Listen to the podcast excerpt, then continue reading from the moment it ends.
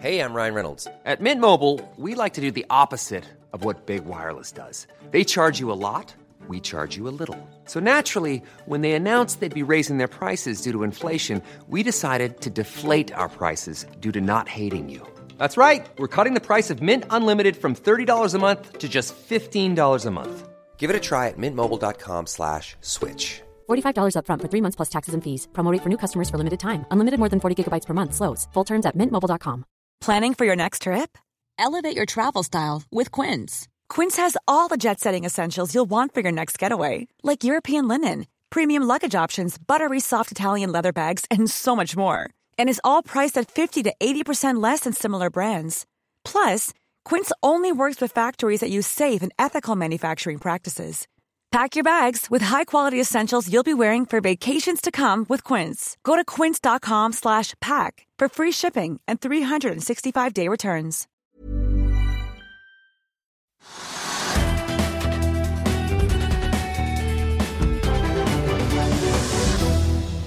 Hei og velkommen til Økonominyhetene. Først skal vi innom Oslo Børs. Der er hovedindeksen ned over 1,2% ved ukestart. og Det er særlig da Equinor som tynger utviklingen, men nedtur på 3,7% Og Trygve, Hva har du bitt deg merke i i dag? Ja, for det første er det det at, som du sier, at markedet faller jo. Altså, det falt jo 1,7% eller 1,6% på fredag. Så faller det da ytterligere 1,2 i dag. Det er ganske mye på to børsdager, så det ser ganske skummelt ut. Eh, og jeg som da er veldig opptatt av oljeprisen, og mener at det er ganske sterk korrelasjon mellom Oslo Børs og oljeprisen, fordi at det er så mange oljeselskaper, mange oljeserviceselskaper, det er statens inntekter, det er masse rart. Så det er en sammenheng der mellom liksom, hvordan det går med oljeprisen, og hvordan Oslo Børs reagerer.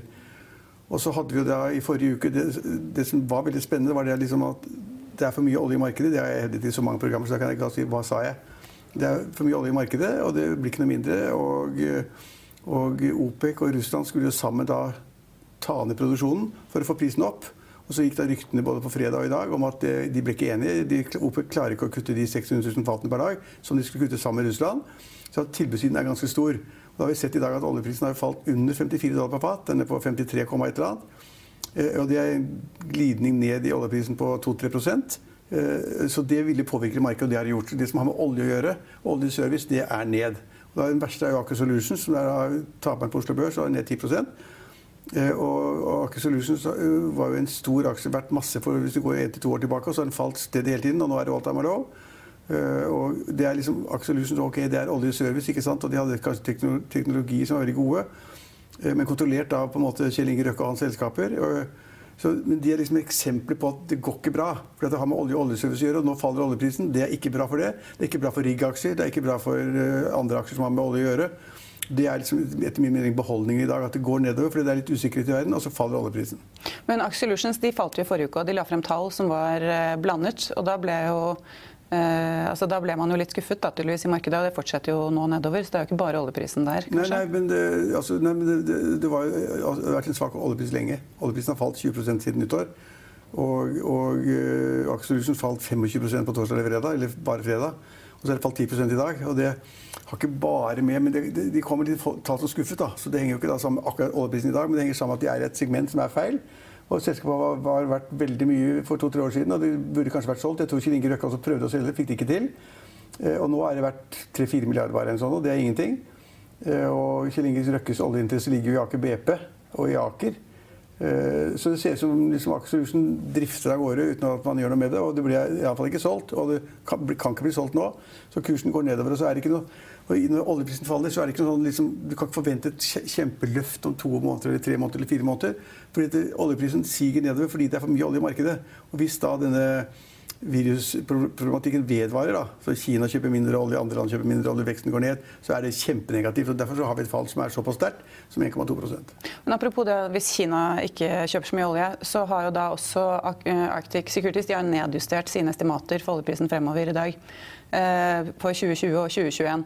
Bl.a. som følge av eh, svakere etterspørsel i Kina. Men hva annet er det som kan virke inn? Ja, At det blir svakere etterspørsel? Nei, jeg tenker sånn, Nå har vi på en måte koronaviruset som driver ned Det er én ting som driver ja. ned oljeprisen. Men hva annet er det som kan ja, det, Hvis det da ikke blir noen løsning på handelskonfliktene mellom Kina og USA, der er det faktisk blitt en liten lysning, det er litt bedre. Hvis det kommer negative signaler om det, så er det negativt for verdenshandelen. Så er det slik at uh, veldig mange sier at det der koronaviruset det er, så, det er, ikke så, farlig, det er ikke mer enn vanlig influensa. En hostekule i, i Norge. Det vet man ikke om. Altså, man er jo usikker. Så liksom, det er helt sikkert at alle de som driver disse, disse supply-kjedene, de som kjøper varer og selger varer osv., de har liksom begynt å bli forsiktige. Kjøper inn mindre råvarer. Tenker at det kan bli vanskelig fremover. Kanskje det kommer nye toller. Kanskje verden går saktere. ikke sant? Så det, det virker inn på hele stemningen. Det er dårlig. Uh, så altså, Jeg vet ikke nesten hva som skulle løfte børsene. Det må være at selskapene tjener mer penger, så går kursen opp. Så enkelt er det. Men nå er folk litt mistenksomme. ikke sant? Og liksom Aker kan falle 25% på fredag og 10 i dag. Eh, Equinor faller jo hver dag 2-3% det er også verdt å merke seg. ikke sant? DNO er ned, sånn 7,5 eller noe ja, sånt? Ja, ja. Så liksom, olje og oljeservice er bad. Og så Equinor er jo olje. Mm. Men der er jo at det faller mer enn Aker BP det, akkurat nå. Det skyldes mer, tror jeg, men det er jeg ikke sikker på. At de, Equinor ga noen dårlige signaler i forrige uke. De sa liksom at nå er det liksom ikke olje som gjelder lenger. Nå er det bare fornybar som gjelder. Og vi skal drive med sol og vann og havvind og hva det måtte være. Vi skal investere enorme summer i eh, fornybar energi. Og det, det er riktig, men markedet tror ikke det er riktig. Så de sier at ok, så mye penger i de, i de avdelingene, fornybar energi, det betyr at det blir mindre penger til da, olje og gass. Og de da liksom legger mindre fokus på olje og gass, og det blir mer fokus på de som da gir antatt lavere avkastning i fremtiden. For det er tøft, mye tøft ute i markedet der. Og at dette vil svekke hele, hele Equinor fordi de gjør gærne vurderinger nå, sier markedet. Ikke min eh, oppfatning alene, men markedet sier det. Men det var vel ganske mange analytikere som slaktet Equinors planer også? Ja, de, de, de, altså de ble slaktet når meglerne snakket sammen på Aker Brygge. Og så så du de greiene til Equinor. ikke sant? Nå, skal, nå, er det bare vind og sol som gjelder. Det er liksom ikke olje og gass lenger. Jeg tror Hans budskap Om det var riktig, det vet jeg ikke. Jeg vet ikke eksakt hva han sa. Men markedet har oppfattet det. At han liksom, liksom har skeiet litt ut, og det er ikke så bra. Og da, tilliten til Equinor nå det er kraftig ned. Og verdiene synker jo dramatisk hver dag. Det er Norges største selskap. ikke sant? Det bare raser ned. Eh, så markedet syns at det, formuleringen eller hvordan de la det frem, var gal. Og de har da mindre tillit til Equinor fremover enn de hadde bare for en uke siden. Vi har jo snakket om det før, men eh, nå ligger jo oljeprisen litt under 54 dollar fatet. Hva tror du om eh, et år, f.eks.? Ja, det er supervanskelig. men altså, vi spurte, Jeg har hatt mange gjester her i studio, og vi har spurt gjestene våre hva de syns. Og de fleste har sagt at snittprisen for 2020 vil være 65 dollar på fat hvis du ser på brentoljen. Og sånn som det er nå, så vil ikke jeg bli noe overrasket om oljeprisen går under 50 dollar på fat. Ikke, Brenten, ikke det minste. Om du da sier 47 eller 49 eller 45 eller det. Men oljeprisen kan svinge nedover. Men så er det slik at så skjer det et eller annet i Midtøsten. da. Et nytt angrep på raffineriene i Saudi-Arabia. Tanker, tanker stoppes osv. Det er jo det er, det, de fundamentale forholdene tyder nå på en lavere oljepris. Det er for mye olje i verden. Og så er etterspørselssiden ikke sånn som Først sa man alltid etterspørselen bare øker og øker, øker med 1 million eller 2, 2 millioner fat per år. Nå er, det ikke slik at etterspørselen automatisk øker. Den er litt mer avtagende. Tilbudssiden er stor. og Da får du en fallende oljepris. Hvis vi ser på de, tallene, de resultatene som har kommet hittil fra oljeselskapene, dette, er dette blitt reflektert i tallene? At oljeprisen er fallende? Oljeaksjen har gått dårlig de siste årene, si, fordi at folk frykter at det kan bli lavere oljepriser. Er restriksjoner, hva det måtte være. Så det er delvis inne i tallene. Men en annen ting som er morsomt, som ikke bare har indirekte har med olje å gjøre, men det er jo det at tankmarkedet har jo brukket sammen. Bare for noen uker siden så satt vi og snakket om at tankratene var gått over for stortank. da, var gått over 100, 100 000 dollar per dag, eller 120 eller 150 000 dollar per dag.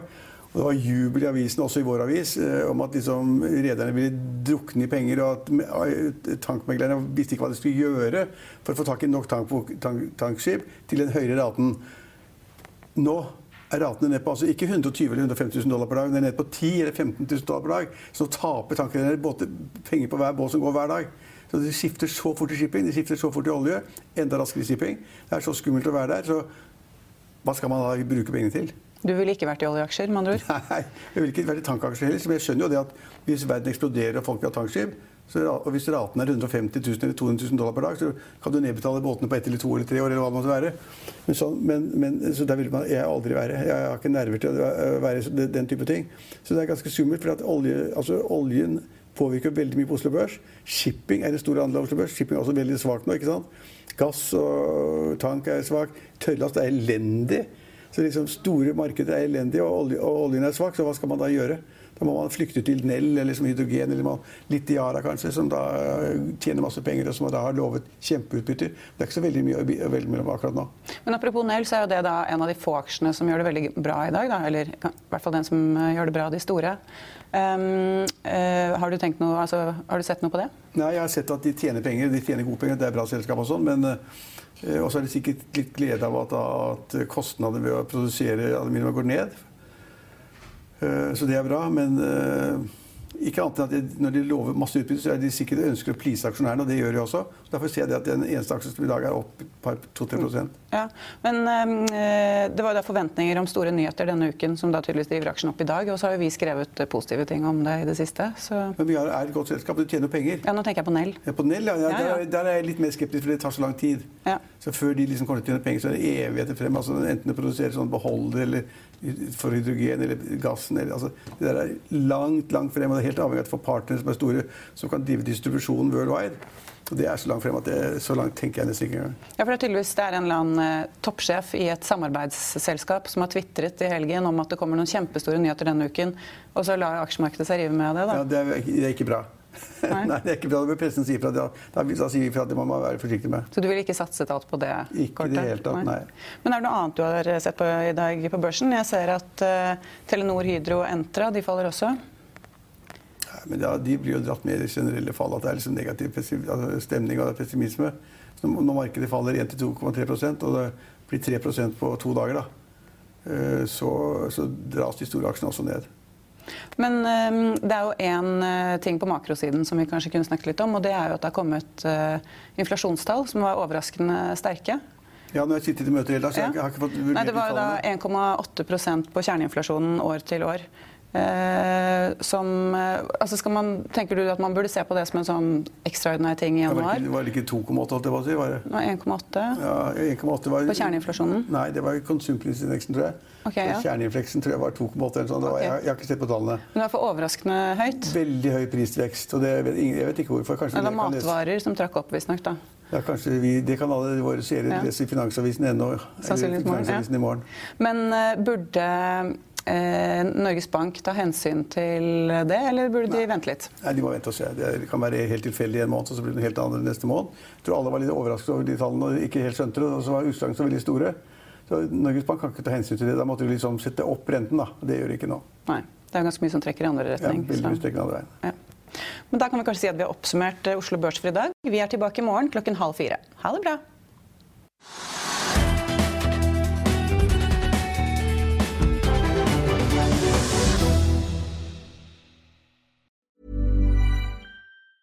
Planning for your next trip? Elevate your travel style with Quince. Quince has all the jet setting essentials you'll want for your next getaway, like European linen, premium luggage options, buttery soft Italian leather bags, and so much more. And is all priced at 50 to 80% less than similar brands. Plus, Quince only works with factories that use safe and ethical manufacturing practices. Pack your bags with high-quality essentials you'll be wearing for vacations to come with Quince. Go to quince.com slash pack for free shipping and 365-day returns. Økonominyhetene er en podkast fra Finansavisen. Programledere er Marius Lorentzen, Stein Ove Haugen og Benedikte Storm Bamvik. Produsenter er Lars Brenden Skram og Bashar Johar. Og ansvarlig redaktør er Trygve Hegnar.